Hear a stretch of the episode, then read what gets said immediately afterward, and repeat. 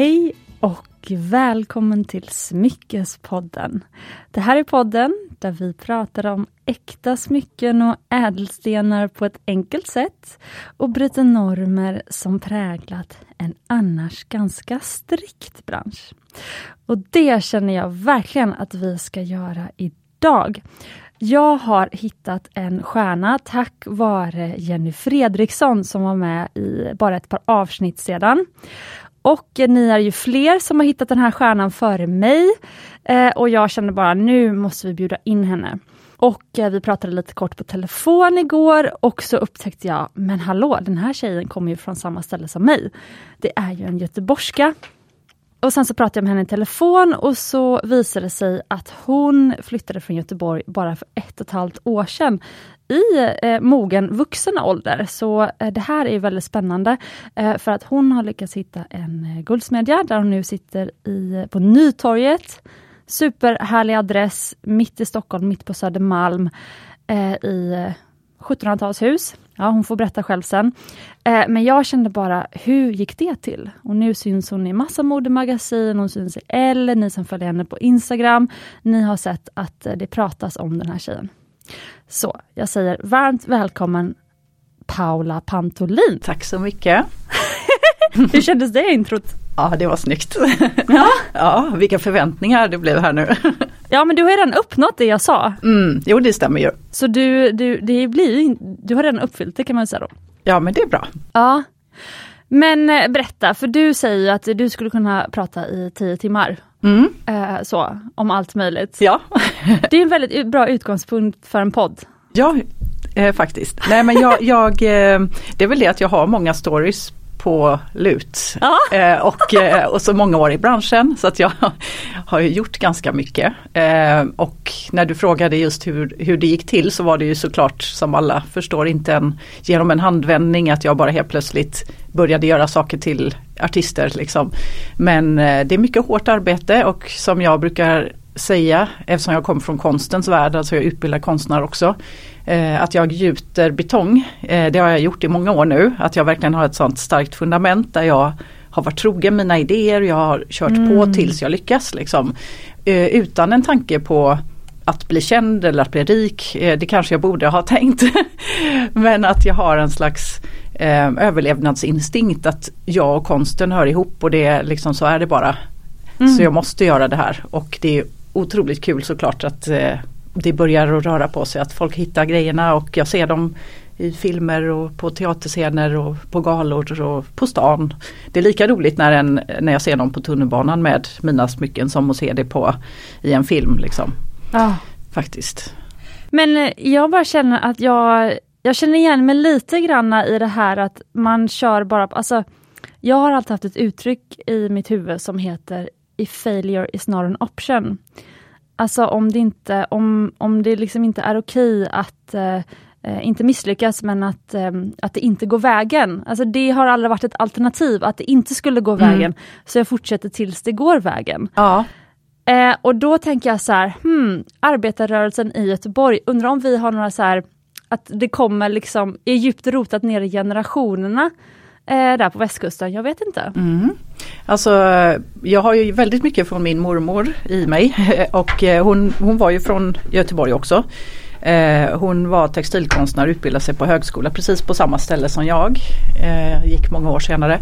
Och hon då kämpade med det här att hon hade många syskon och hon skulle ta hand om dem egentligen. Men hon var så begåvad och kom in då på högskolan och fick kämpa och kämpa och kämpa. Så hon lärde mig, jag är uppvuxen i både hennes och min mammas ateljéer. Mm -hmm. eh, och hon lärde mig framförallt att eh, hon, hon till och med gjorde en liten skylt till mig som hängde i min ateljé sedan, eller som alltid hänger i mina ateljéer.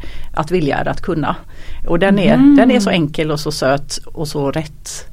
Eh, så att vill jag, ja men då, då gör jag det. Liksom. Mm. Och det handlar inte om att man ska köra över människor liksom, på vägen utan att det handlar bara om själva skapandet och att nå sina egna mål. Liksom. Precis. Så, ehm, så henne har jag att tacka för mycket. Förstår det. Men berätta, för att det här är ju väldigt spännande. Jag, tyck, jag har ju filmat dina öron till exempel. Men du har ju på dig då eh, extremt kraftiga guldhoops. Mm. Mm. Eh, och de är då, eh, det är lite blandning, eller det är som en hybrid mellan bijouteri och äkta smycken. För att mm. det är silver under till men sen är det en plätering på guld. 18 mm. Yes. Ja precis. Mm. Eh, och sen så eh, har Paula matchat det då med väldigt, väldigt, väldigt petit små diamantörhängen också. Mm. Eh, väldigt snyggt måste jag säga.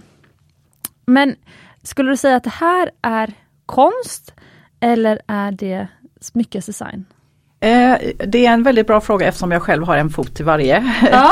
Men eh, för mig är det konst att, att göra dem. Liksom. Det är lika mycket konst som när jag gör en skulptur eller en målning. Men definitivt så vill jag att det ska vara smycken som folk kan bära. Eh, jag jobbar jättemycket med balans. Det är också en, en väldigt bra grej när man går en så lång utbildning som jag har gjort på just inom just smycke, smide och silversmide. Att man håller på väldigt mycket med balans så att man mäter hela tiden liksom hur sitter smycket på eller gör du, smider du bestick så mäter du dem i handen. Mm. Att de ska gunga på ett visst sätt. Alltså det är väldigt mycket sånt som jag känner Eh, om jag ska vara lite taskig sådär, så kan jag säga att det skiljer agnarna från vetet lite grann för att väldigt många eh, som bara hoppar in och kanske designar en kollektion har ingen koll på det där. Liksom. Det kan vara. Så intressant. Mm, så att det är mycket sådana små skills som eh, kanske är pärlor för svin då för att alla inte förstår ah. det. Men eh, jag kan tycka att det är ganska härligt för att när eh, folk tar på sig mina grejer så kan de säga Åh men gud den var ju jätteskön att ha på sig fast den var så stor. Och det, då känner jag att jag har lyckats. Eh, mm. Ett bombastiskt uttryck men ändå liksom härligt att ha på sig även till en t-shirt och jeans en vardag. Liksom. Mm. Eh, så det, det är jag jättenoga med. Precis, det finns en, det finns en designer på Tiffany's som jag har imponerats av just eftersom att, precis det du säger, mm. alltså det är så intelligenta smycken. Eh, som inte bara är gjorda för att de ska vara fina utan det är, när man sätter på sig dem så är det som att de är gjorda för att bäras. Mm. Och det är det du menar om jag förstår det rätt? Ja, Ja, Exakt. Precis. Och det, det, är en grej som man kommer fram till, liksom, eh, var vill jag stå? För att i början gjorde jag väldigt mycket eh, ganska vassa saker, alltså ännu vassare än mina spikes. Så jag göt av törntaggar och gjorde liksom eh, halsband och massa sånt. Eh, men de fick åka runt i USA på en utställning som handlade mer och mer om religion och skuld och sånt. Eh, jag kände att det var väldigt kul att ha gjort mycket sånt. Jag har ställt ut på gallerier, mer rena konstgallerier. Mm. Men jag har landat i det att jag älskar att folk bär mina saker och har dem nära hjärtat. Det är något mm. som betyder något. Jag har gjort väldigt mycket vigselringar och sånt också. Um, och att verkligen se folk bära sina saker med stolthet. Mm. För smycken för mig är ju väldigt mycket ett sätt att visa vem man är och ett uttryck istället för statussymbol. För att det är någonting, vi har haft lite konstsmyckesavsnitt i podden, men det var i slutet på förra året. Eh, och då pratade vi just om det här att eh, konst är ju kanske inte alltid till för att säljas. Men du är ju väldigt så att du, eh, vissa smycken gör du ju specifikt för att de ska vara kanske extra billiga eller extra tillgängliga. Alltså du har ju en väldigt fin balansgång där mellan vad som är konst och försäljning. Mm, tack! Jo men jag tror att eh, jag bestämde mig för det ganska tidigt att jag ville att mina saker skulle användas. Eh, och när jag gick på, alltså alla år i utbildning så var det väldigt mycket eh, att det var fult att tänka kommersiellt. Precis. Ja, och man pratade inte ens om att starta företag. Jag kommer ihåg att jag fick be om det på utbildningen och då har jag ändå gått en masterutbildning. Eh, att eh, kan vi få lite företagande, lite tips och tricks hur man gör. Ja, jo vi fick en dag, liksom någon workshop men ja, alltså det hade behövt vara mycket mer sånt. Sen har jag absolut jag står definitivt bakom att man måste hitta sitt uttryck först. Man kan inte slänga in det i första året, man kanske gör det femte året. Eller, ah. eller tredje året om man går en bachelorutbildning. Men eh, jag, jag, låg på, jag stod på mig eh, och dessutom så var det väldigt många regler, osynliga sådana. Att eh, stilrena smycken är fint. Nordisk design är fint. Eh, ljusa träslag, rena ytor, less is more. Och då kände jag eftersom jag är lite enfant terrible, alltså jag tycker om att stöka till det lite grann. Så det var då faktiskt jag började göra olika mönster inuti och utanpå och lägga på lite mer prickar och lite mer ädelstenar. Ah. Så att jag har liksom en, även om jag ser väldigt nordisk ut så tror jag att jag har en eh, eh, lite tusen och en natt i mig eller någonting för att det här, mm. jag älskar verkligen när det är överraskningar och det händer saker. Sen gör jag såklart saker, mina kedjor är ju till exempel en upprepad form många gånger vilket ju blir väldigt rent. Mm. Men samtidigt tycker jag om då när man kombinerar det med någonting, man kanske virar det flera varv runt. Så att det ska vara spännande att bära mina smycken, det ska kännas lite magiskt. Nej men plötsligt förstår jag varför du har eh, slagit igenom så stort på vad jag upplever är kort tid, men vi får höra snart hur länge du hållit på. Eh, men också kanske varför de här riktiga modegurusarna eh, på modetidningarna och så älskar dig. För att det stämmer faktiskt, det är om man skalar bort Eh, typ som nu plockar jag upp ett armband här som är eh, stort och brett som en kaff man har på, eh, på armen. Och det har som små prickar, det är från din strutskollektion. Mm. Så det ska vara lite så strutshud. Men det är, det är som silverprickar som ligger på ett liksom väldigt slätt clean silverarmband. Så utan silverprickarna så hade det varit extremt minimalistiskt. Men med silverprickarna så händer ju någonting. Ja, förutom att jag har eh, gjort en hud. Om du tittar nära på det så är det som en, ett, en skin eh, under. Borstat. Ja, precis. Jättefint. Ja, så det, det liksom ligger bakom i, det gör jag redan i vaxen. Och mm. sen så är varje prick också förgylld med en förgyllningspenna med 18 karat i. Som är lite svagt bara, som ett litet subtilt element också. Det syns inte lika tydligt men eh, det, det, det Precis. Och sen så har du också sagt till mig att du gillar ju att göra fina baksidor. Mm. Och det som är det häftiga med det här är att baksidan, alltså det som ligger mot, eller undersidan på armbandet, det som ligger mot armen som inte syns. Det är superintrikat. Och det är ju lite mer, hade det legat på utsidan istället, då hade det varit ganska liksom spejsat. Men det är det ju inte. Fast när man, den som bär det vet ju om det, så att den tilltalar både den som vill ha ett enkelt uttryck och den som eh, liksom gillar lite mer eh, ja, men, eh, intrikat och så vidare. Mm. Jättefint. Eh, men jag tänkte att ehm, eh, för att lyssnarna nu ska få lära känna dig lite mer. Eh, kan du inte berätta, för att du har ju konsten i blodet. Du berättade att du var ute på promenad med din mormor och ni pratade om vilka vackra konstverk som ni skulle skapa. Mm. Kan du inte berätta lite om din barndom där med din mormor, din mamma och din pappa som var uppfinnare? Och... Ja just det. det eh, vi, jag växte upp vid havet i ett hus utanför Göteborg eh, och min gamla morfar, det var han som eh, startade upp hela släkten där kan man säga år 1900. Då rodde han över eh, sundet eller eh, viken och eh, knackade på. Det är en true story. Och Aha. frågade om han kunde få köpa huset. Och det fick han och det var liksom starten på den platsen som för mig har betytt väldigt mycket. Och det hette Järkholmen ja, i Hovås? Ja, ja, exakt. Och nu är, är det ju, vi finns inte kvar där någon i släkten. Men ah, okay. eh, min gamla morfar ägde flera fastigheter där och eh, utvecklade verkligen liksom Han skrev dikter också om platsen så att det finns väldigt mycket ah. just om det, att det, det tog fäste. Eh, och där satt min mormor och jag eh, och ritade och jag kommer ihåg att jag sjöng på en liten sång som heter Jag ska måla hela världen lilla mamma som fanns när jag var liten. För jag, jag, kände att den hade så mycket av det här att jag ville göra världen lite vackrare. Ja. Eh, och redan då var jag ultrakänslig för liksom, eh, alltså jag, jag är supernyfiken och läser alla nyheter som jag kommer åt fast jag egentligen inte klarar av det för jag tycker det, jag blir så påverkad. Eh, så läser man om krig och elände och sånt så känner jag att jag måste liksom in i den här drömvärlden och jag måste göra lite skimmer, lite guldkant på tillvaron. Så jag älskar... Eh... Gud jag får så rysningar. Nej men det, det, har faktiskt varit en av mina stora grejer, liksom att jag vill strössla lite magi till folk. Ja du vill skapa glädje. Ja. Förlåt alltså nu, men min kille sa senast till mig igår att Cecilia du måste förstå att världen inte är god. Eh, alltid liksom. Mm. Och, och typ, jag är din sån här sån här, alltså, han är min motpol som förstår att världen inte alltid är skimmer och då sa jag, men kan jag få behålla den skimrande? Jag vill inte veta mm. allt hemskt du nu ska säga till mig. Mm. Exakt. Och det, och det är så här, man, man är ju inte verklighetsfrånvänd bara för det. För att jag, jag läser ju samtidigt nyheterna men jag är också sån att jag kan stänga av helt och hållet. Eh, alltså givetvis skänka pengar till eh, Ukraina eller Läkare utan gränser och allt det där. Men liksom att inte läsa precis allt utan försöka bevara liksom den här gnistan och glädjen och kunna sprida den till andra. Det, det tycker jag att jag gör genom mina smycken, eller jag hoppas jag gör det genom mina smycken. Mm. Eh, det är viktigt för mig. Mm. Så det var faktiskt en av, av grejerna som jag och mormor satt och kom fram till helt enkelt. Att hon, för min morfar hade precis dött så jag var lite av en glädjespridare för henne också Åh. genom att hon och jag satt där och tecknade.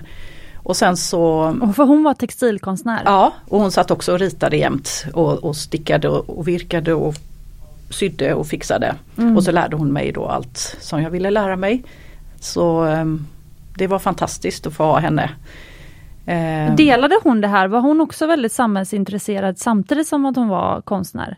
Ja, väldigt allmänbildad ja, okay. eh, och eh, smart.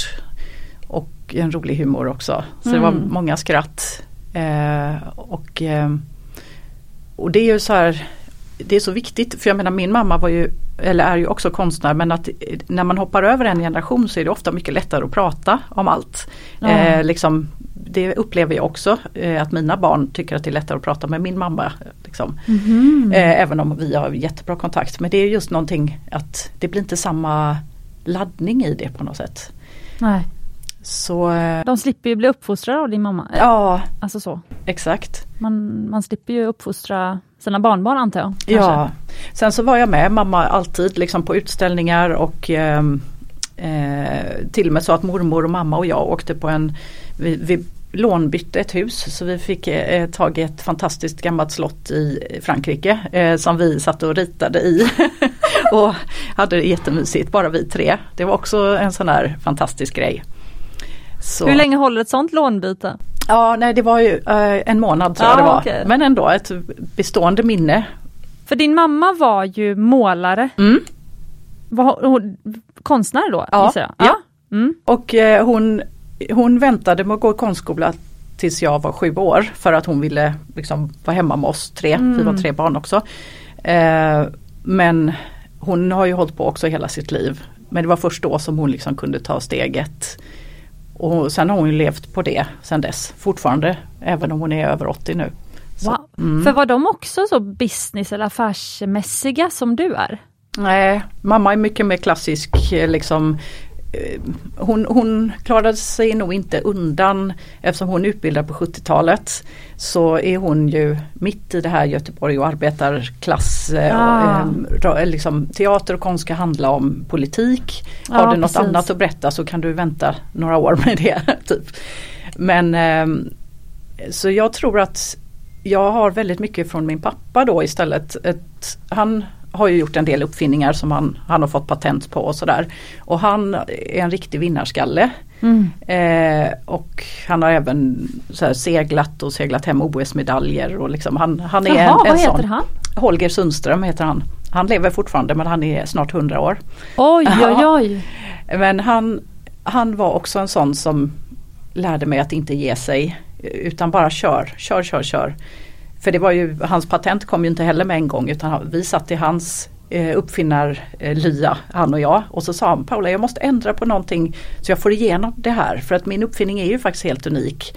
Ja, vad ska jag ändra på? Ja, men eh, skriv att den är svart eller skriv att den är rund eller jag bara, jag, Vad var det för uppfinning? Eh, han jobbade med eh, medicinsk teknik så han hade uppfunnit en eh, röntgentransparent eh, EKG-grej, som, alltså elektrod som man mäter blodtrycket med som inte syns i röntgen. Så att mm. då kunde man spåra väldigt viktiga små detaljer på grund av att det inte blev en svart prick på röntgen.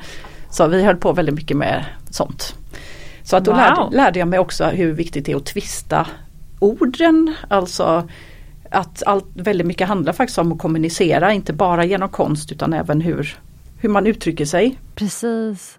Så eh, jag älskar att skriva också så att jag håller på väldigt mycket med sånt. Ja. Så det är en, eh, en dröm också att skriva eh, en bok en Oj! dag. Mm. Men det, det, får komma sen när barnen är större. För då måste jag bara lägga in en liten passus då. Ett av de armbanden som eh, du har med dig här och som jag också har filmat, det visade sig tydligen vara ett eh, specialkomponerat armband till Camilla Läckberg. Ja, Vad står där i? Det var ett hemligt, ett, en hemlig, ett hemligt budskap sa du? Ja, eh, apropå just eh, hur man är uppfostrad och sånt där och hur man ska komma någon vart. Men eh, det står eh, Well behaved women rarely make history. Och den är, tycker jag är ganska bra. Precis. Att man kan, man kan veta koderna men man kan också eh, vara ganska framåt liksom.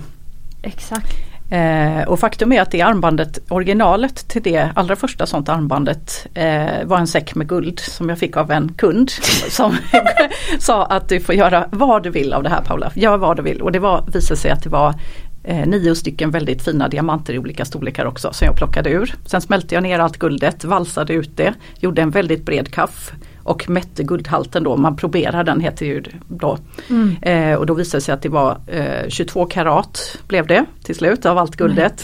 Plus ja. att jag då kastade ut de här diamanterna som en stjärnhimmel på. Wow. Eh, hon, den tjejen har på sig det varje dag vilket är jättehäftigt. Hade jag också haft. Mm.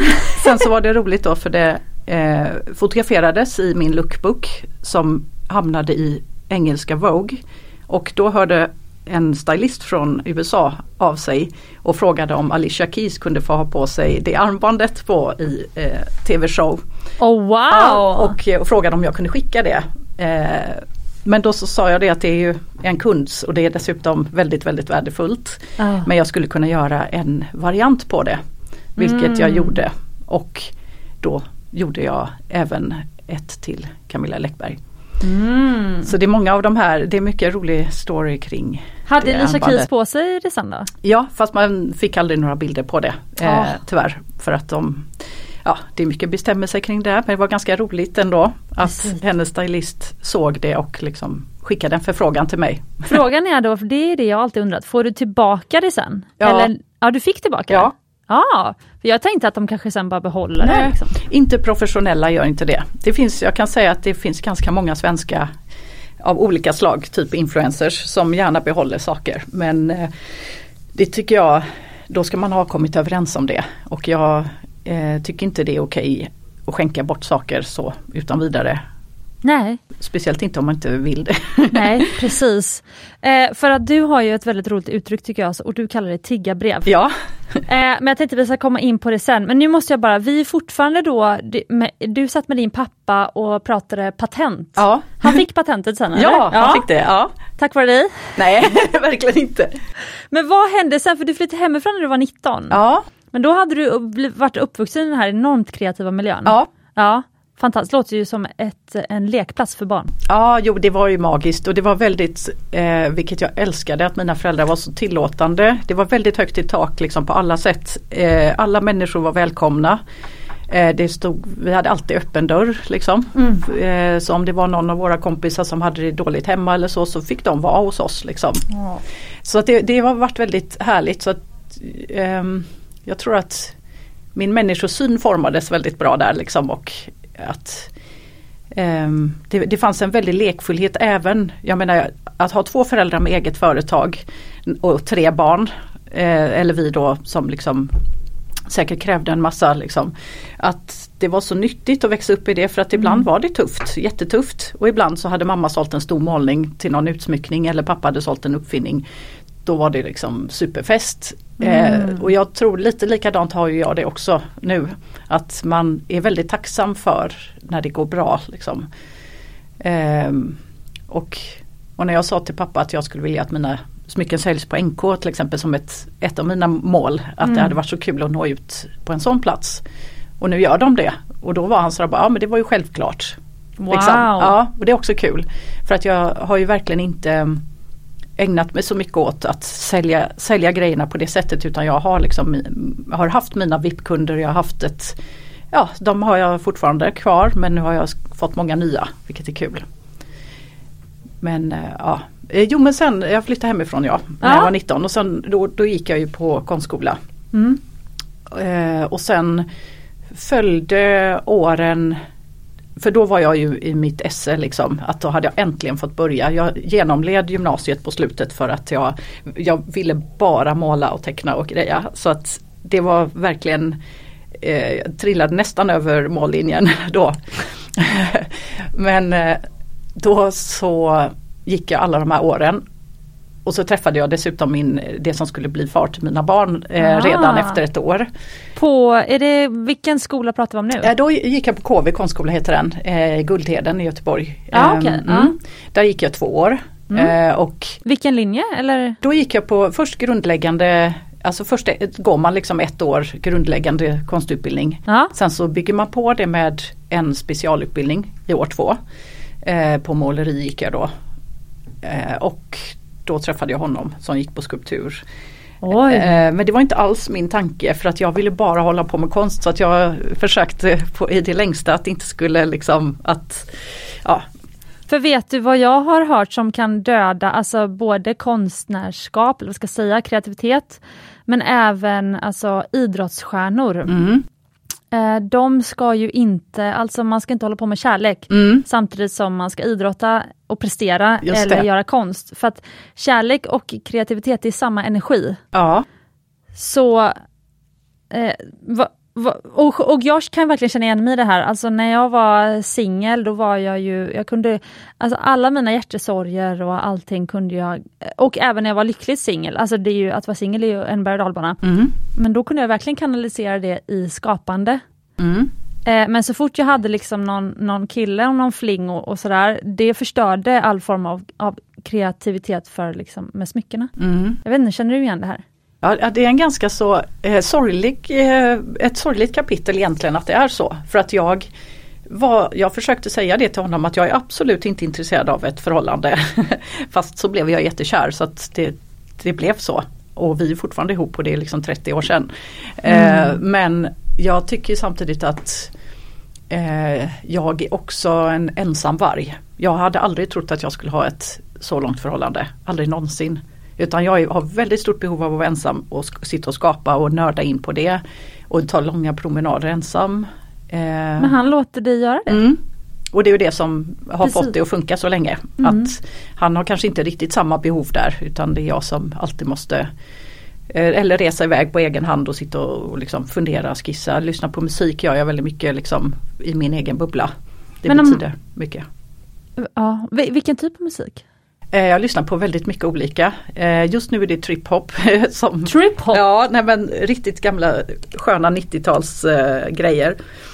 Typ Massive Attack. och- Ja, nej men, eh, jag, jag lyssnar, Eller Spice Girls, jag Nej. tänker sånt är Nej, nej. 90-tal för mig. Ja nej nej 90-tal har så mycket bra men jag lyssnar jättemycket på jazz, jag lyssnar på klassiskt, ja. väldigt mycket Ja. eh, alla genrer egentligen utom dansband. Ja, okej, inte det heller. Nej, okej.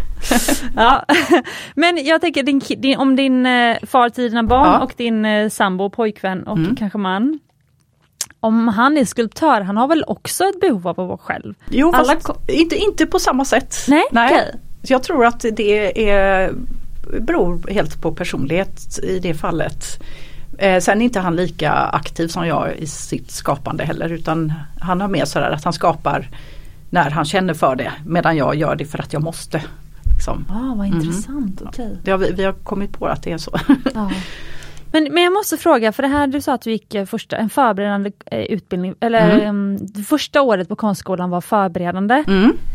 Vad lär man sig då, har jag alltid undrat. Mm. Alltså lär man sig konsthistoria, lär man sig om andra konstnärer, eller vad är grunden i en konstutbildning? Mm. Eh, ja, det är egentligen, eh, man läser konsthistoria, ja.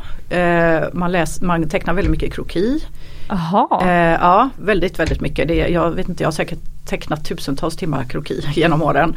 det är när man tecknar nakna Mm. människor? Ja, Okej. och det är så bra för att då, då, apropå det här med balans som jag pratade om i bestick och balans i smycken. Ja. Eh, det handlar så mycket om att man ska känna in hur människan, tyngdpunkten i människor i, i kroppen, hur man står, hur man böjer sig. Allt det där har jag ju fått användning för när jag skissar ner mina, hur mina smycken ska vara till exempel.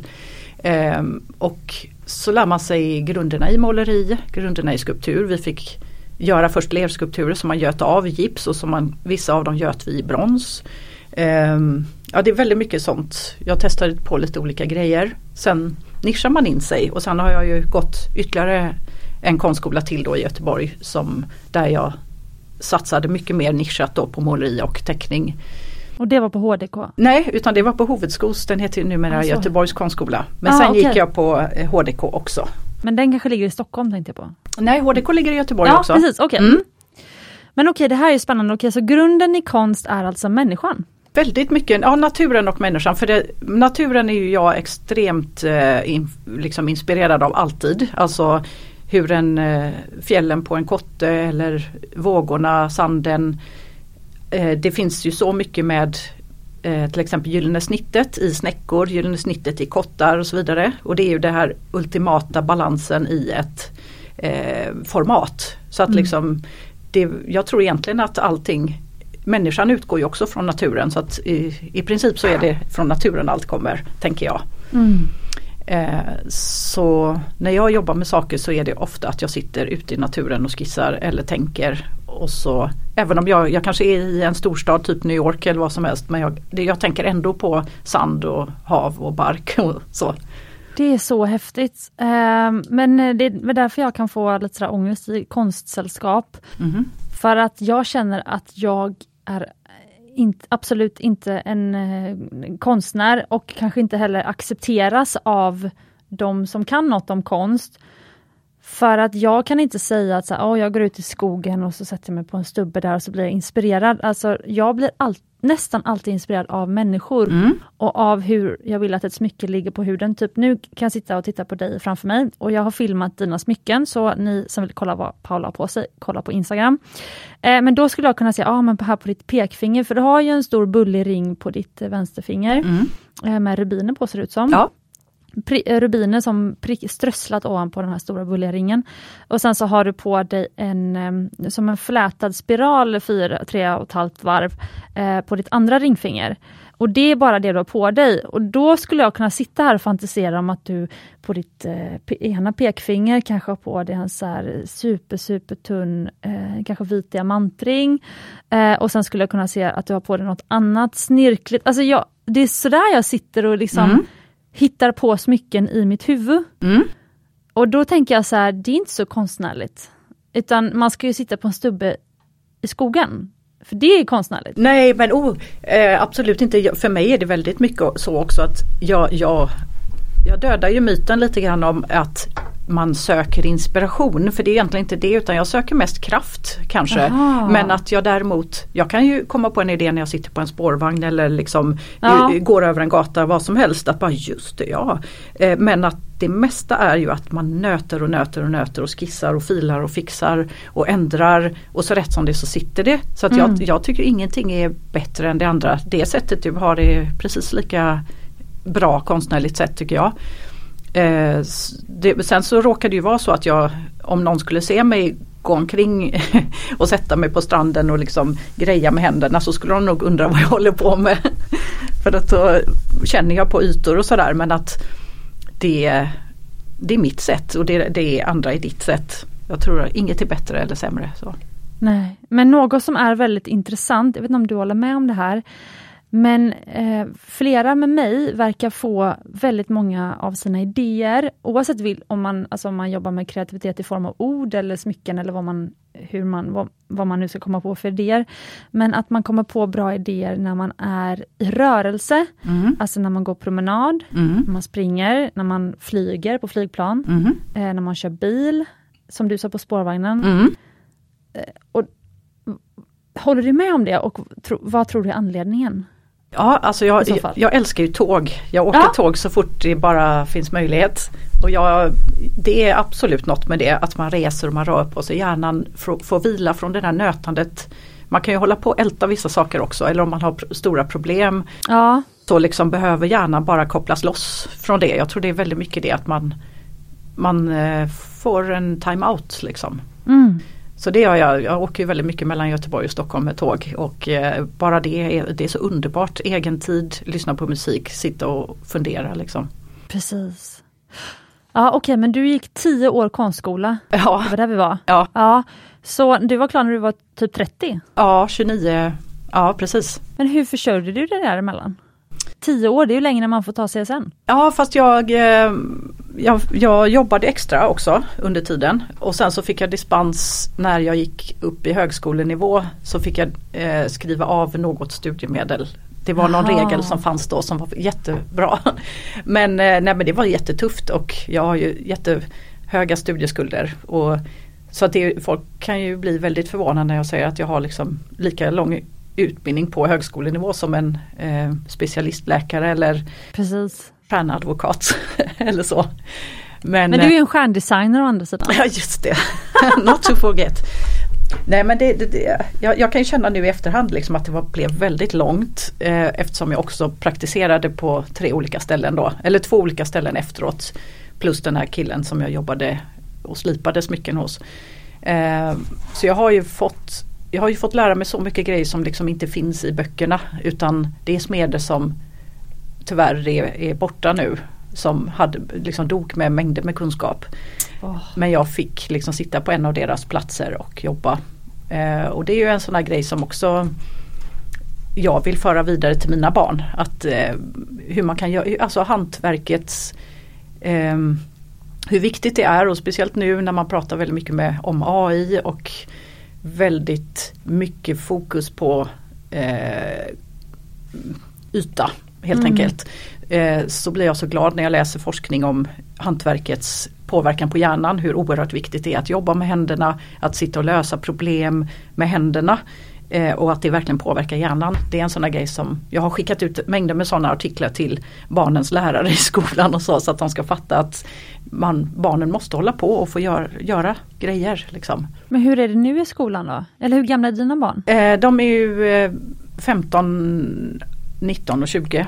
Mm. Eh, men de har ju haft Alltså det har ju varit neddragningar på eh, praktiska ämnen under hela tiden. Lite då, lite då.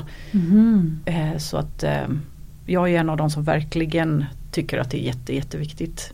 Man behöver inte älska och rita men liksom att bara få greja med en träbit eller sitta och sy på någonting eller att det är minst lika viktigt som matte och engelska. Liksom. Mm. Ja jag håller med och eh, det är ju någonting, alltså Alltså det, jag har ju bara en bebis nu som är 10 månader men jag ville göra egen pasta. Mm. Och då var jag så här, okej okay, men hur ska jag göra egen pasta? För hon behöver ju sitta i sin stol då och hon kommer bara slänga ner sina leksaker från bordet då. Och så kommer hon sitta där utan leksaker. Och så var jag så här, nej men hon får lite av min majsmjöl då. Så fick hon lite majsmjöl framför sig och så började jag knåda pastadegen och jag behövde ju knåda i 10-12 minuter stod det i receptet. Och då, då är jag sån som sätter timern på 13 mm minuter och så knådar jag 13 minuter. Och så tittar jag upp och då sitter hon och knådar sin, alltså gör den här knådrörelsen oh. och sprider mjöl fram och tillbaka. Underbart! Det var det gulligaste jag sett och jag var så här, för allt nu, det, jag är så fascinerad, det är som när man får hem sin hundvalp och så blir man så här, hundvalpen gillar sin lilla nallebjörn. Mm. Och så tycker man att det är, hur kan en hundvalp gilla en, eller liksom hur kan de gilla gosedjur? Men det, så jag har samma fascination nu för det där och så blir jag så här, det sitter ju i människan att man vill härma, man vill skapa, man vill göra något med händerna och då blir man lycklig. Mm. Hon var ju nöjd då. Ja. Hon var ju nöjd i 13 minuter. Ja, Istället för att man satte en eh, iPad eller någonting i händerna. Liksom. Det kanske man inte gör på en ettåring men, det, jo, man, men vissa gör, vissa gör ju det ja. faktiskt. Ja. Nej, det är så otroligt viktigt. Ja, mm. Eh, nej, alltså så att eh, då, ja, då, då fortsätter det även med 20-åringarna. Och eh, 33-åringarna och mm. ja, alla åldrar. Ja, absolut. Men hur blev det smycken? Hur, för din, din, ingen av din släkt var smyckesdesigner? Nej, eh, just det. Eh, jag har ju alltid älskat kläder eh, på, alltså, som uttryckssätt. Snarare alltså att jag färgade och sydde och fixade och donade för att få min egen personliga prägel. Ja. Även om det var ett hm plagg så ville jag liksom få det till ett Paula-plagg. Ja. Ehm, så att jag har ju hållit på alltid med det där. Och sen då när jag, jag insåg att det var en viss konkurrens mellan mig och min mamma. För att hon ville vara den stora målaren i familjen.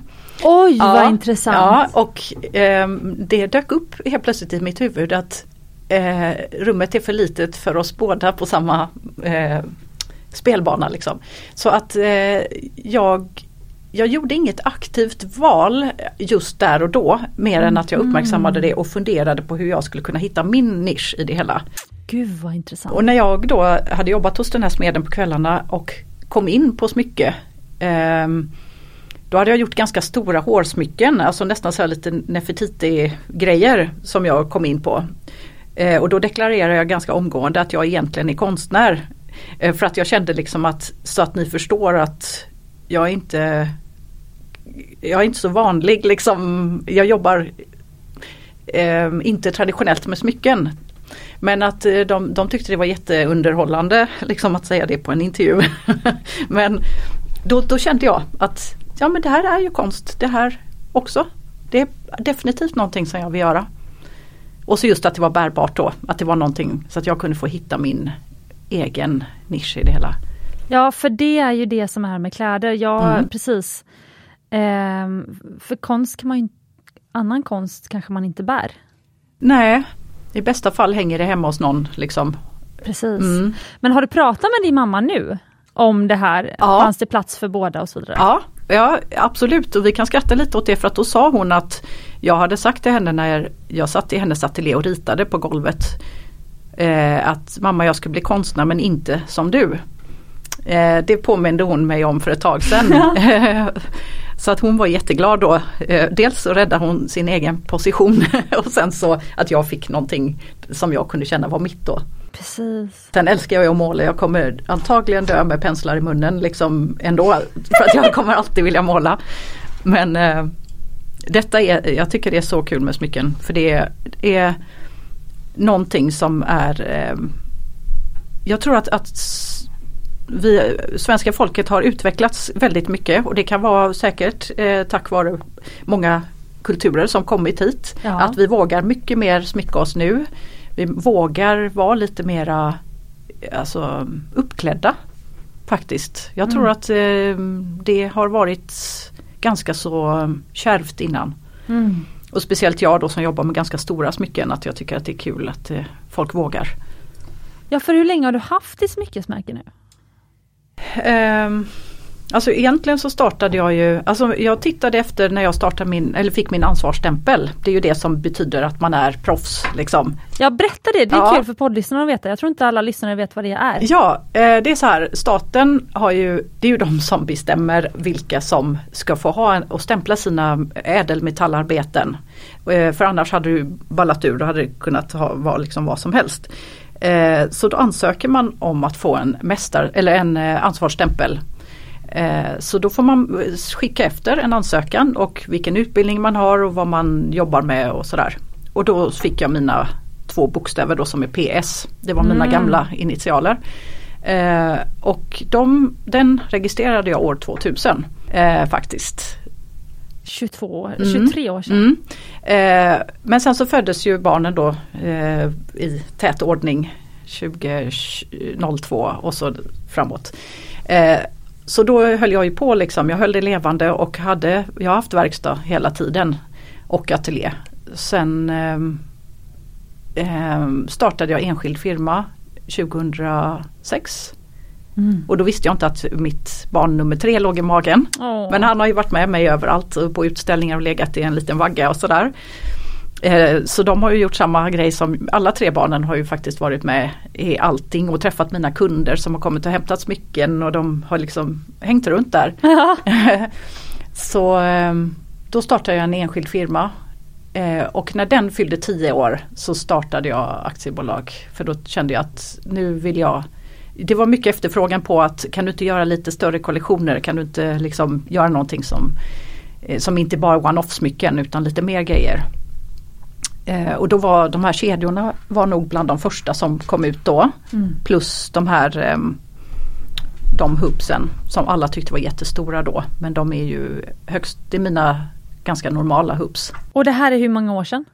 Eh, då är vi på 2016. Så de här designade 2016 för att det här säger så mycket. Nu eh, fick jag ett par hoops här av Paula och det är alltså ett par väldigt kraftiga, kan faktiskt filma, väldigt kraftiga eh, guldhoops som har det här eh, strutsmönstret. Man kan tänka att det är som en knott knottrig, när man, när man fryser, så får man så här knottrig skinn, sådana liksom prickar på. Och sen så inuti är det också det här delikata mönstret eh, som man, man borde faktiskt kunna se det här mönstret även när man bär eh, hoopsen, mm. för hoopsen är så pass stora. De, är, de väger ju, måste ju väga, vad väger de? 10 gram? Jag tror att de väger 8 ja, någonting. Okay. Men eh, jag har ju dem i olika storlekar för att just eh, ah. folk som vill ha dem väldigt lätta. De kan ta dem som är mindre. Ja just det. Och spikesen är ju väldigt lätta då. Sen har jag ytterligare en storlek och det är de stora. Precis. Så att de första jag tog är kanske 3,5 centimeter, centimeter i diameter? Ja, jag tror 3,8 eller någonting. Ja. Men, ja. Och de här andra är, är de 5? 5, ja. något, 5,2 ja. tror jag. Ja. Det är typiskt av mig att säga komma två. För ja. Det är faktiskt ingen roll. ja fast det är, ja. så är det om man ja. är noggrann. Precis.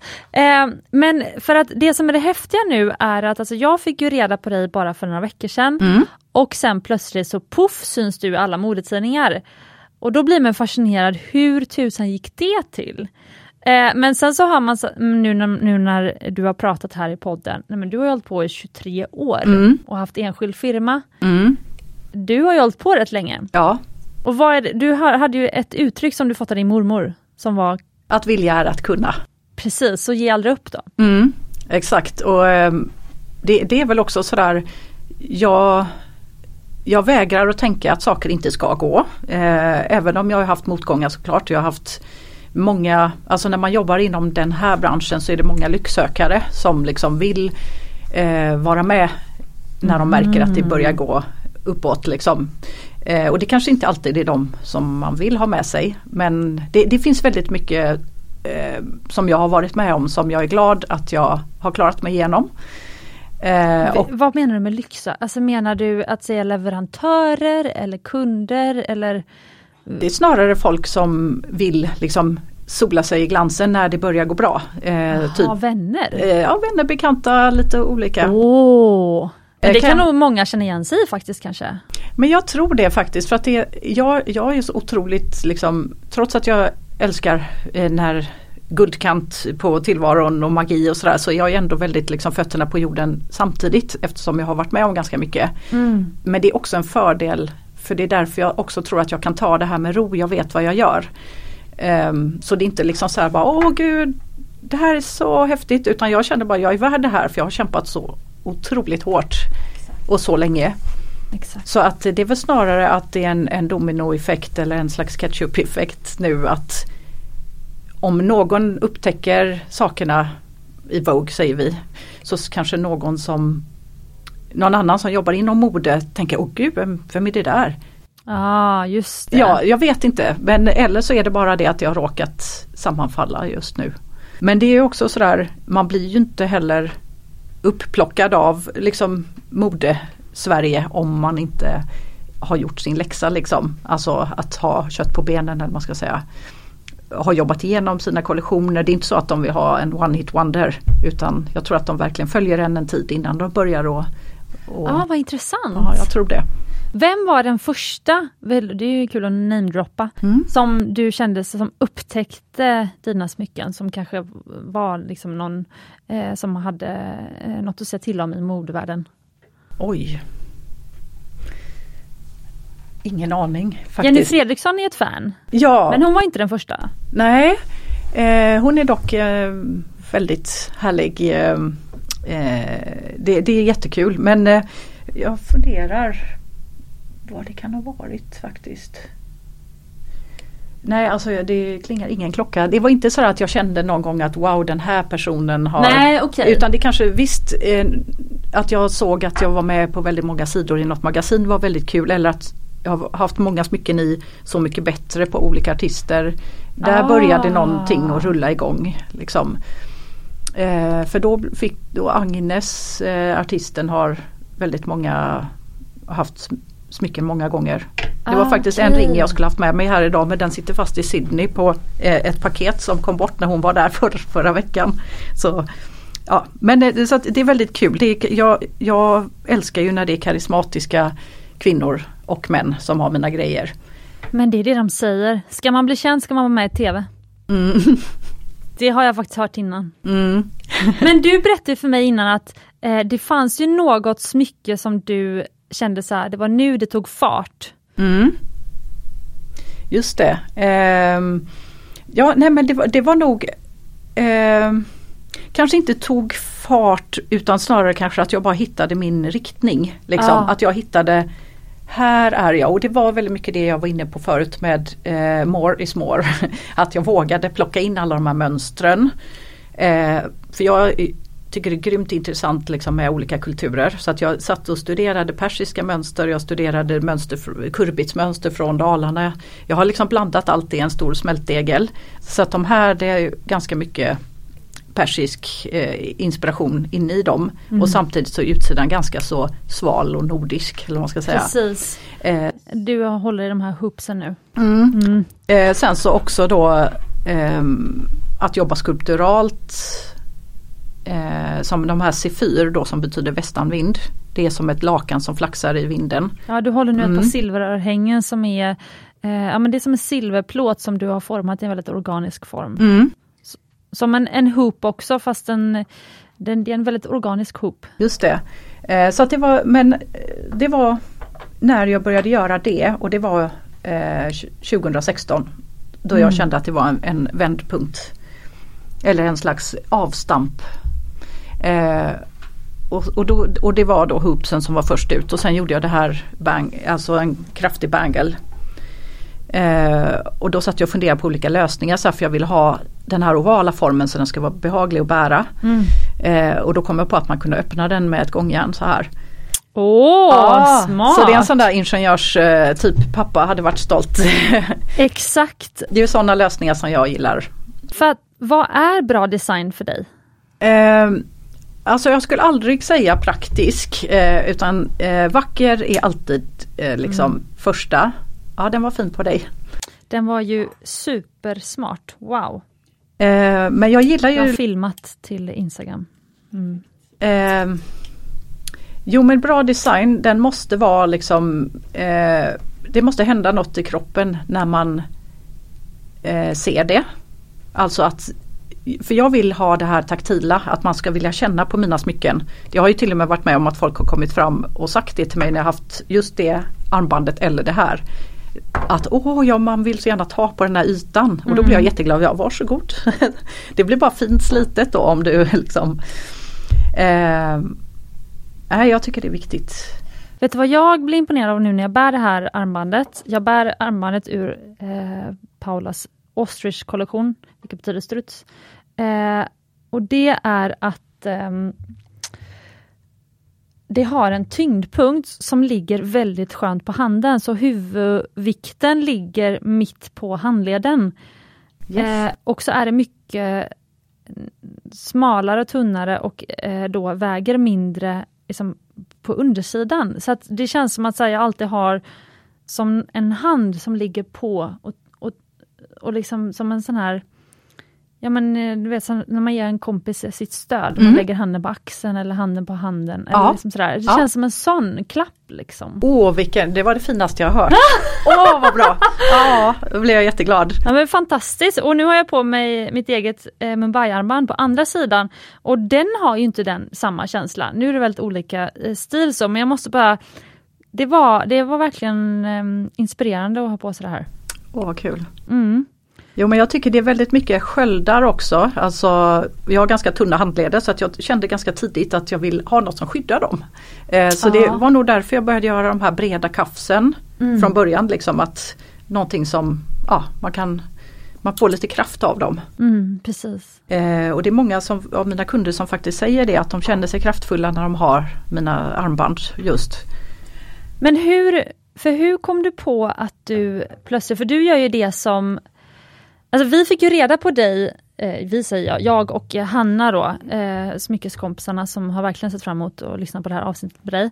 Eh, men vi fick ju reda på dig när Jenny tog med sig dina smycken till bijouteriavsnittet. Mm. Och bijouterier är alltså oäkta smycken. Mm. Eh, och sen så visade det sig att du egentligen är då eh, guldsmedshantverkare. Mm. Um, eller är du guldsmed? Nej jag är silversmed egentligen. Ja, du är silversmed. Ja, fast mm. jag har jobbat och praktiserat hos guldsmeder så att ja, jag precis. har liksom Men min eh, silversmedsutbildningen är ju mycket mer formmässig. Alltså jag har jobbat i stora format också, gjort skålar och ljusstakar ja, och stort liksom. Så att det är väldigt mycket mer skulptur eller skulpturalt. Eh, men jag jobbar jättemycket i guld också. Ja, ja, ja precis, ja. precis, det har du också berättat nu. Eh, men för, för du gör ju då något som många inte skulle göra, vilket är ja, men bijouterier eller hybridsmycken, för det är ju äkta smycken men det är samtidigt eh, det, de här pläterade guldsmyckena kanske man inte kan bära varje dag. om inte pläteringen ska skavas av. Alltså hur har du liksom vågat ta det steget? Jo men det faktum är att jag gör ju, jag är så otroligt noga med hantverket. Ja. Eh, så att när jag förgyller mina hubs då till exempel eh, så gör jag det, det är väldigt många lager. Så att jag har ju örhängen som jag använt i hur många år som helst som är guld, alltså förgyllda mm. i 18 karat och de är fortfarande jätte, jättefina. Så det handlar om hur man tar hand om dem oftast. Eh, ringar är ju en annan sak, då förgyller jag många fler lager. Och sen mm. så, eh, så att det, det är det, eh, ännu fler lager. För det beskrev Jenny för mig, och det visste faktiskt inte jag, det här med att det finns väldigt olika kvaliteter på just guldplätering. Mm. Men då är det ibland som du säger då att är det bara tunt lager eller är det många lager? Exakt, för då ser det bra ut i butik men det liksom går inte att ha på sig. Precis. Och jag, jag kände själv liksom att eh, jag tycker väldigt mycket om att hantverket ska vara liksom perfekt. Eh, men att liksom, jag gör ju som sagt sakerna i 18 karat homogent också. Men det är väldigt många som köper förgyllt. Alltså jag säljer kanske 80 eh, förgyllt och, ja. och 20 silver. Men det, det håller på att vända nu eh, vilket är kul för att jag älskar silver själv. Aha, okay. Mm. Mm. Eh, så det, det, känns som det är lite trendbrott på gång. Ah.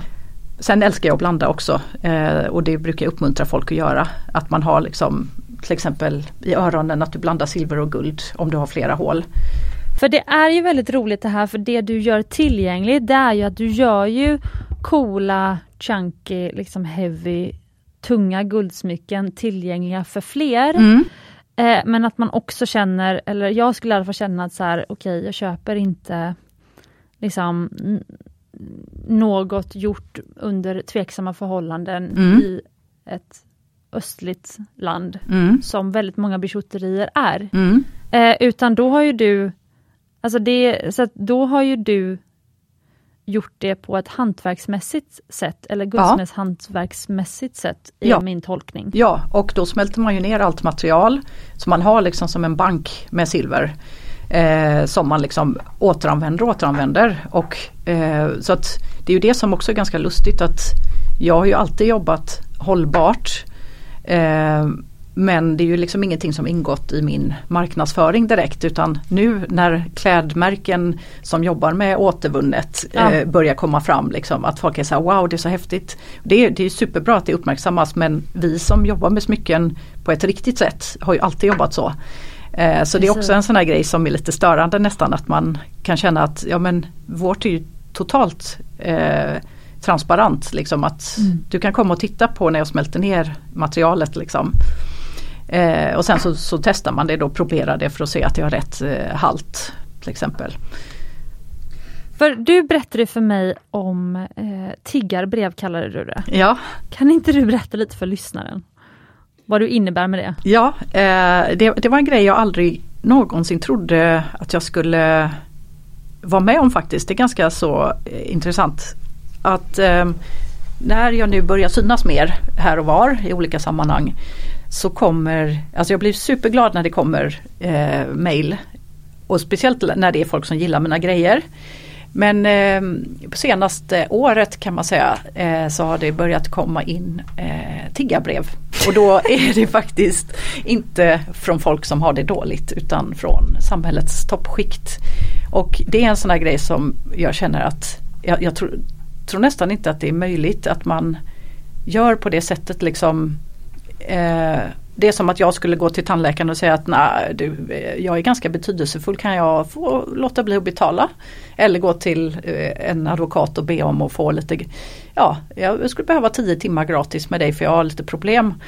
Alltså det är ju, eller en läkare liksom, det är ja. ju samma sak. Eh, men att då influencerkulturen har slagit undan benen lite grann på, på, på konst, för konsten. För att folk tänker att de är så oerhört viktiga. Så att de kan få saker mm. utan att betala. Och det är ju jättes, alltså, jag, ju, jag har väldigt mycket integritet kring mina grejer liksom. Eh, och, och känner att jag blir faktiskt väldigt förolämpad Ja. Att eh, det är ingen respekt i det. Sen är det en helt annan sak att man har ett samarbete med någon, någon att man designar en kollektion som någon visar upp. Liksom. Det, kan, det, är en helt annan sak. Men just att bara skicka och gärna också att eh, ta bilder eh, och skicka mig mejlet på alla de här smyckena jag är intresserad av att få. Herregud alltså. ja, det, det är faktiskt hårresande.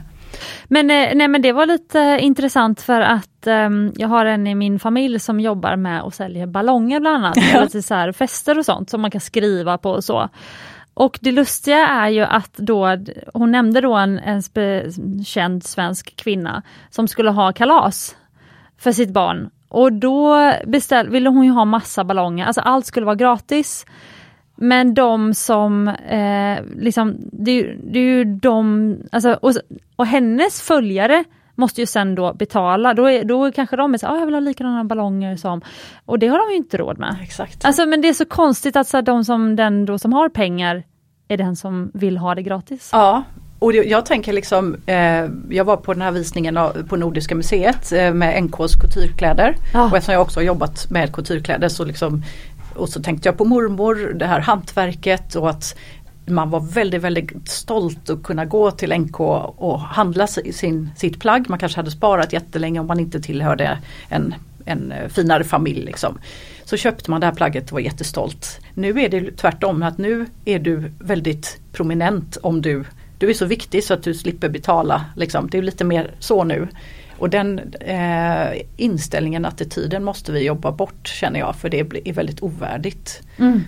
Faktiskt att man eh, kör över andra liksom för att man själv ska glänsa. Då, I så fall liksom skulle det bli ett sånt klimat eh, så behöver vi inte utbilda. Vi har ju världens, alltså som många länder har ju kvotering av, de måste kvotera in svenskar eh, på högskolorna utomlands för att vi har så otroligt bra konstnärliga utbildningar i Sverige. Aha. Ja, så att vi har eh, våra konstnärliga förutbildningar, alltså de grundläggande är så otroligt hög nivå så det är i många fall samma nivå som högskolor utomlands. Så att eh, då tänker jag att eh, varför inte ta vara på konstnärerna då? Det politiska klimatet är ju också sådant. Nu vill ju ett visst parti som sitter i riksdagen att eh, till exempel utsmyckningar ska vara folkomröstning om innan det blir, det är ett förslag de har. Okej. Okay. Alltså, jag kan inte prata om partipolitik men ja, det stör mig väldigt mycket att det är ju verkligen ett slag under bältet för att det är som att säga till en läkare att eh, du, eh, folket kanske kan avgöra om du ska göra den här hjärtoperationen eller inte. Mm. Alltså, det är ju samma sak där att det finns en sån generell eh, förnedringspolitik för konstnärer som stör mig väldigt mycket. Men varför har det uppstått? Har de fått mycket klagomål på då offentliga dekorationer? Nej, jag tror det att eh, det handlar om, om det fria ordet. Eh, att eh, pol, konsten har ju alltid, vilket jag tycker är väldigt härligt, har alltid fått vara eh, yttrandefrihetens vagga nästan. Ja, att liksom konst, litteratur och allting sånt. Eh, och visst ibland så går det ju illa som för Lars Vilks till exempel som blev, ja. försvann eh, och var väldigt hotad. Men jag tycker det är så viktigt att man måste få eh, jobba med liksom, de politiska problem fast i konsten. Eh, och jag tror att det är partiet som då har den här motionen eller det här förslaget att de är rädda för eh, just att folk eh, ska tycka annorlunda än vad de själva gör. Mm. Och den är farlig. Då... För i det här avsnittet, eh, det var ju Louise, min poddkollega, som intervjuade Carolina Hägg. Mm. Och så pratade de om eh, konst och vad konst är och så vidare. Och då sa de någonting väldigt fint. Det var att eh, konst är som att tala utan att använda ord. Mm. Och att det liksom, jag tolkar det som att, eller liksom för, för, för mig när jag lyssnade på det så kändes det som att okej okay, men det är ju att, att man har, alltså det att yttra sig om saker som man ska kunna då få yttra sig om vad man vill, alltså precis som att man får säga vad man vill men, men det är som att ett barn som behöver prata mm. kanske man ger att du ska rita en teckning istället för alla barn kanske inte kan uttrycka sina känslor i ord mm. riktigt. Mm. Får de uttrycka det genom teckning. Alltså det för mig är är konst. Och, och det blev speciellt efter att ha lyssnat på det avsnittet så var det så jag tolkade det. Mm. Är, är det konst, eller hur är konst för dig? Eh, alltså det, det ligger jättemycket fint i det.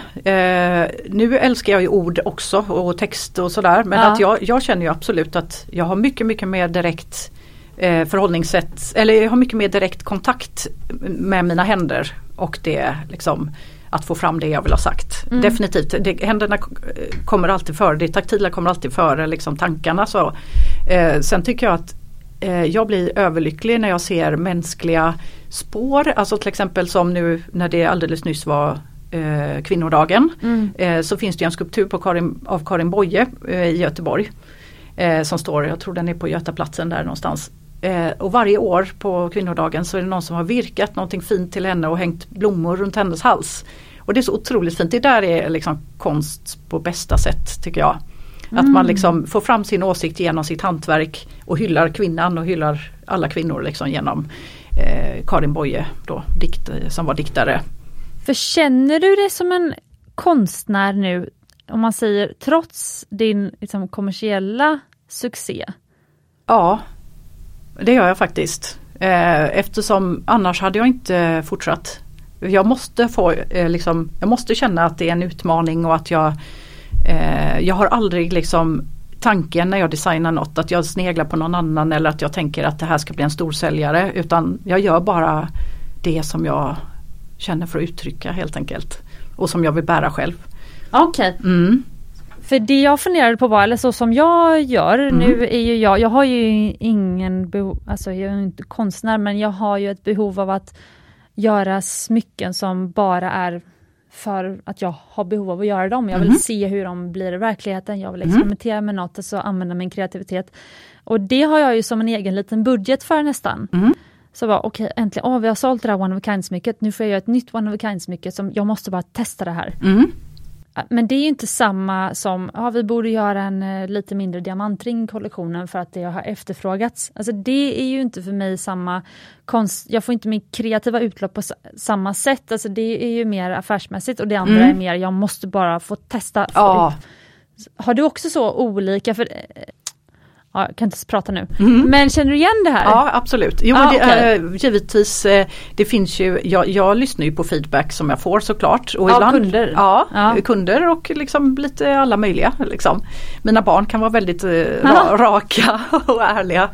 Ehm, men att då, är det, då är det ju såklart att det finns mycket efterfrågan på någonting och då kan jag tänka mig att designa det. Eh, men det är inte så att någon annan bestämmer hur den ska se ut. Men för liksom allt i övrigt så är min process väldigt, den kommer verkligen inifrån.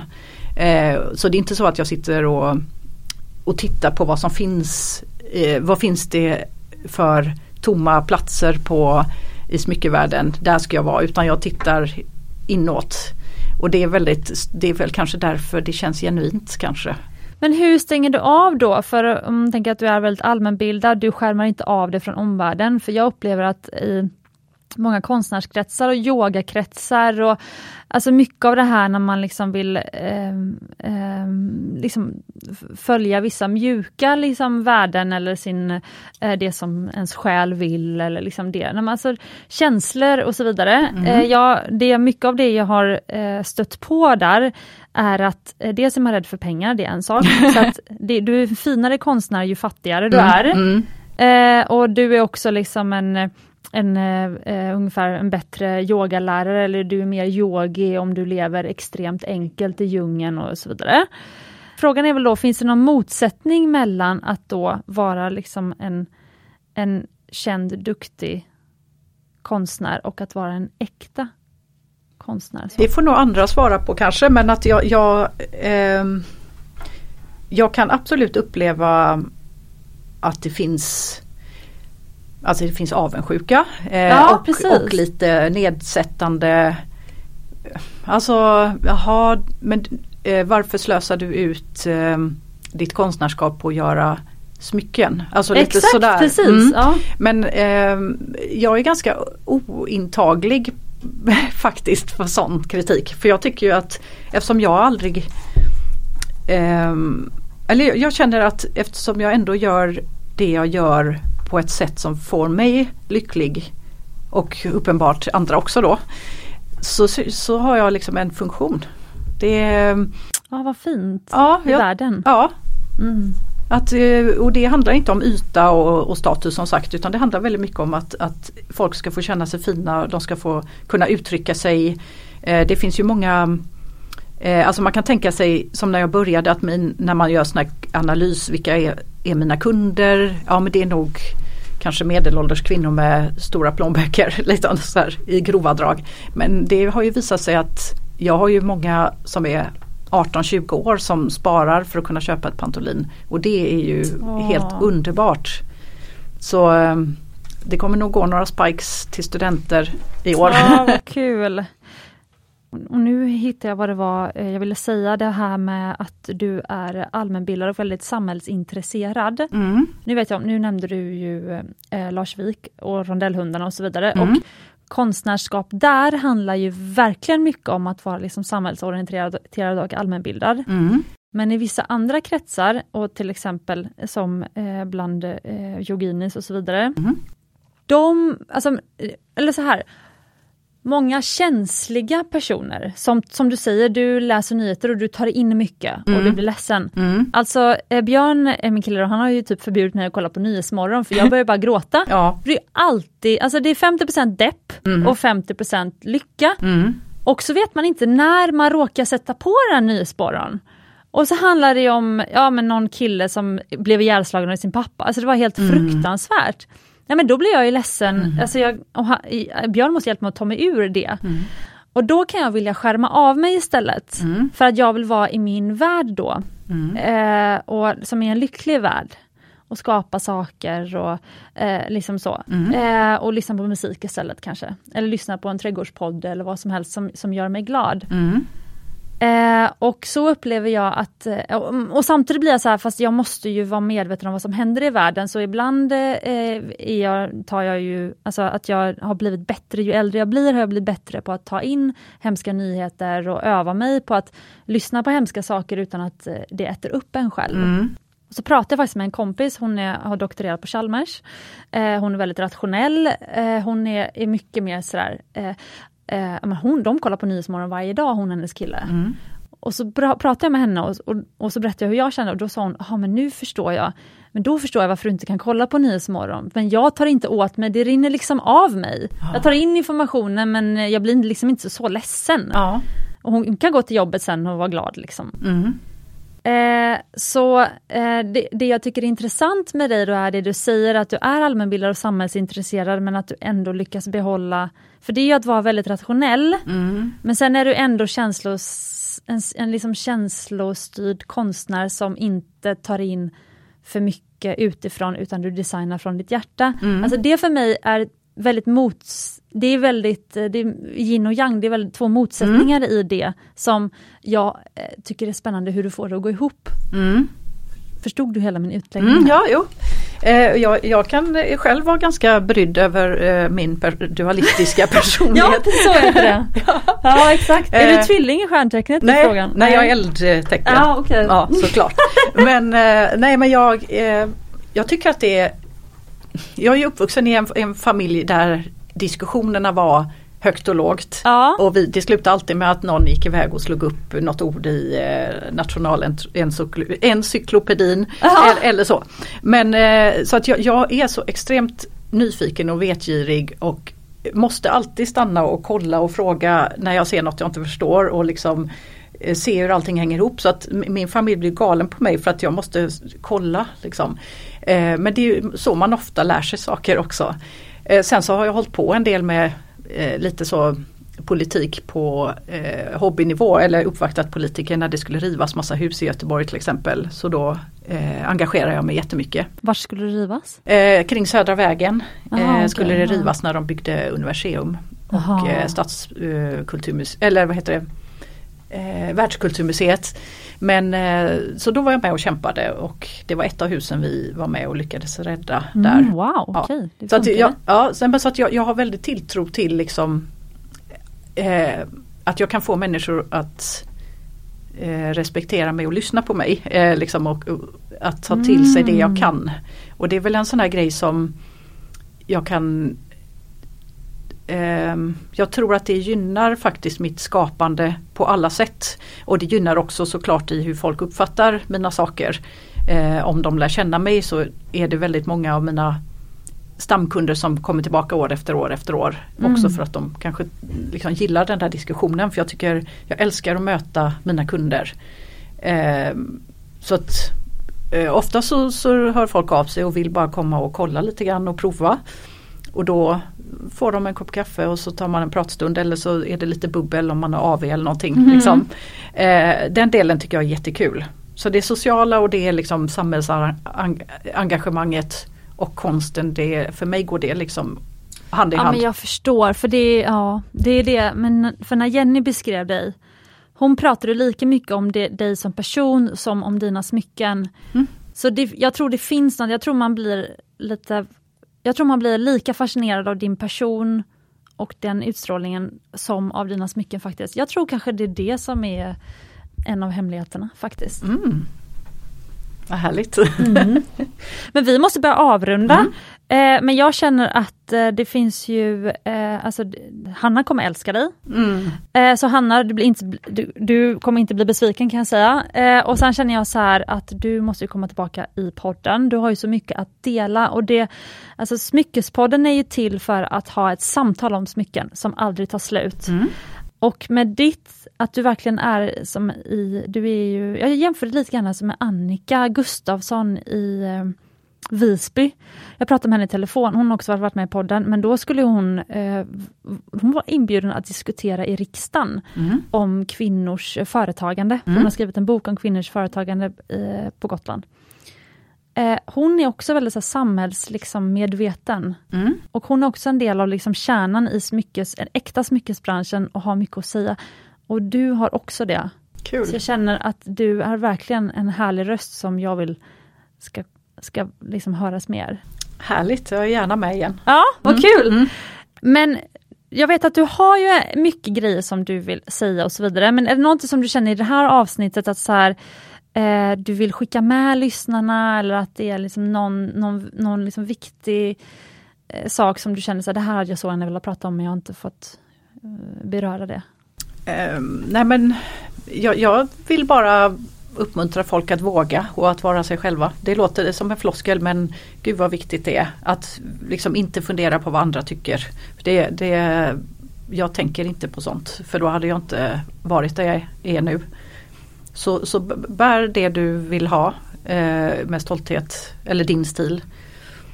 Det tycker jag är viktigt. Och vad är ditt råd till någon som vill starta sitt eget kreativa företag? Kanske att man vill bli smyckesdesigner eller skriva en bok. Eller jag får en hel del sådana frågor till DN på Smyckespodden. Mm. Då är det många som vill starta eget inom just smycken förstås. Mm. Men det här om man känner att jag vill starta ett kreativt företag. Det känns som att du har väldigt mycket råd att ge ja. där. Vad skulle, vad skulle vara det du skulle säga till dem? Um, alltså det är så svårt för jag har ju egentligen inte haft den rakaste vägen upp utan jag har ju liksom gått lite krokigt på grund av familjesituation och massa annat. Liksom. Eh, så kanske inte det bästa rådet är att starta när man har ett barn i magen för det var ganska så svårt. Men eh, sen generellt att bara eh, hålla sig till sin idé att inte låta, för att det kan jag säga att vet inte om det beror på att jag är kvinna mm. men att det är så många som under gång, vägens gång eh, har försökt att komma med goda råd och det är nästan alltid män. Eh, och att det är så här, ja det hade varit mycket bättre om du gjorde så här eller varför har du gjort så? Du borde göra så här. Hela, hela, hela tiden, år efter år kommer det in sådana Eh, och jag har faktiskt, eh, i början var jag kanske mer artig och liksom ja men så kanske man skulle kunna göra och så men nu är jag mycket tuffare. Så mm. att det, det, skinn på näsan måste man ha från början och att inte släppa in fel personer utan var, försök att hålla det så litet det bara går. För jag tror att väldigt många Speciellt eftersom klimatet, nu är jag inne på det igen med influencers och Youtube och alltihopa, eh, TikTok, att det finns så mycket snabba pengar där ute. Och det är väldigt många unga som tror att det är en lätt, eh, att det är eh, en autobahn fram till pengarna. Liksom. Att det går lätt att komma dit. Eh, men då missar de liksom hela kärnan av alltihopa. För rätt som det är så kan den världen braka ihop och då har de ingenting, då är det ett skal. Så att, att ha liksom något genuint och bygga allting kring det. Skulle jag säga. Vad är kärnan? Ja, kärnan, din idé, ditt skapande.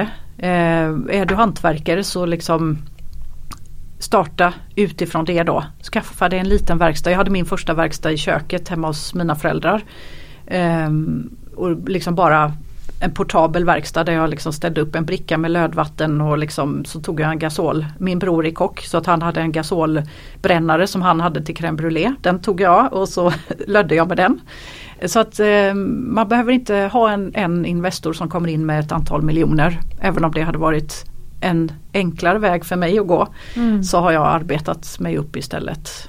Precis. Men eh, tolkar jag det rätt att du menar att om man vill starta ett kreativt företag mm. så börja med att skapa din produkt. Mm. Och sen kan du ju sälja den. Mm. Om du väl. Men det handlar ju om att, om att göra det först, att ha någonting, att, att, liksom, att, att ha den där produkten som är du före man man tänker att jag ska ha ett företag. Ja. Var det det du menade? Ja absolut. För att jag ser ganska många exempel på folk som gör tvärtom. Alltså som inte har någonting men de är kända redan. Ah. Eh, och då, eh, då bygger de allting på sitt kändisskap och det, då blir det som en ballong som får punktering rätt som det För att även om man är känd och syns i Paradise Hotel så kanske man inte är en jätteduktig designer. Liksom. Nu tog jag bara ett exempel. Ah, eh, utan det, tyvärr så är det ju så att väldigt många vet, tror ju att man är duktig på något för att man är känd.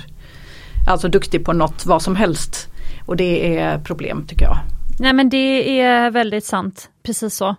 Eh, och det för att, att knyta tillbaka också till eh, ett tidigare avsnitt, eh, så Hanna delar ju information om ett eh, ja, nytt eh, men väldigt känt influencer smyckesmärke som jobbar bland annat med plätering. Mm. Eh, och deras plätering har ju skavts av på bara några veckor så det är en typisk då dålig kvalitet på guldplätering. Mm. Eh, men om man skickar eh, ett mail till deras kundservice så får man, inte, då får man ett tack, vi har tagit emot meddelande och sen så får man aldrig något meddelande med något svar tillbaka. Mm. Och det för mig är ju en tom ballong. Ja som man då stuckit hål på. Så det fanns inte ens någon person bakom som ska svara. Vad händer med de där influencersarna? Mm. Inte sitter de där och svarar på kundservice-mailen. Nej, och det är det som är så farligt. För, för mig är det så oerhört viktigt med kundbemötande. Mm. Eh, och om någon har problem med någonting, kom och byt eller jag tittar på det, jag fixar. Eh, och det är ju ja, nu såg jag att jag hade fått många bra reviews på, på Facebook till exempel eh, av kunder som har varit hos mig. Och det är också en sån här kul ja. grej. Ja, blir man ju jätte, jätteglad. Ja. Det är liksom jättemycket värt. Eh, så att bemötandet, jag tycker man måste bemöta folk med respekt även om de har köpt en, den, min billigaste ring mm. eller om de har köpt liksom en halskedja för 15 000. De ska liksom få samma service. Mm. Det är jätteviktigt. Mm. Eh, Kul. Ja, och sen kan det alltid hända att liksom något, något smycke kan, att det kan ha varit, varit något fel på någonting och det, då, då ska man ju självklart ta till sig det. Liksom. Mm. Men eh, att inte svara kunderna, det är ju, då är man rökt. Nej men det är också, alltså, den första grejen också är att ens första produkt som man jobbar med den kommer ju också när man ser tillbaka några år senare så upplever jag för jag att man eh, tycker att den kanske inte var den bästa. Alltså, mm. Alltså det är ständig produktutveckling också. Ja, och ja. Så. Verkligen. Men jag, jag, tror att i mitt fall så är det eftersom jag inte jobbar med Alltså det, de har ju en modegrad mina smycken men det är ju inte modesmycken. Alltså sådär att ja, nu kommer en Nej, helt de är ny... ju 6-7 år gamla har du ju nyss eh, ja. sa du förut. Ja. Jag blev faktiskt lite fascinerad för de är ju nu i modetidningarna. Ja visst, men det tar lång tid. Men det, allting är ju inte, utan det var ju de som var den åldern. Sen så är de här, det här är ju ja, nya. Byggt på. Ja, mm. jag har byggt på så att jag, jag utvecklar hela tiden liksom mina kollektioner men jag bevarar kollektionerna. Så att Dune då, den här som är eh, sanddyner, den har ju fått både hoops, armband och mm. ring och nu kommer ett smalare armband till våren också. Filma det med. Och det är ju eh, oregelbundet så som sanden i strandbrynet. Och det är ju direkt min barndom liksom. Precis. Ja, vad kul. Ja, ni som har lyssnat, jag hoppas att ni har följt med här på, i Paulas eh, kreativa historia och eh, att ni fått ta del av hennes värld. Jag känner att jag har fått det i alla fall. Och eh, du som ehm, lyssnat, om du vill att Paula ska komma tillbaka, som jag vill, då får du jättegärna skriva till oss. Eh, du kan självklart även skriva till Paula. Paula, hur hittar man dig? Eh, man kan hitta mig på Instagram, Pantolin mm. Jewelry. Mm. Eh, och, eh, och där kan man skicka ett PM om man vill. Mm. Eh, så, så hörs vi. ja, precis. Eh, och ehm, om du som lyssnar gillar Smyckespodden så jag glömmer alltid bort att säga det, men nu kommer jag ihåg. Eh, gå jättegärna in och ratea. Ni är massa, eller många som har ratat podden i era poddspelare och gett den eh, så många stjärnor ni tycker den är värd. Och det uppskattar jag så mycket. Eh, och det är så podden faktiskt kan spridas, för ju fler stjärnor vi får och ju fler lyssnare vi får, desto mer sprids den. Eh, så att om du gillar så mycket podden får du väldigt gärna göra det. Och tusen tack du som redan gjort det. Eh, och med de här orden så säger vi att du är värd äkta smycken och ädla stenar.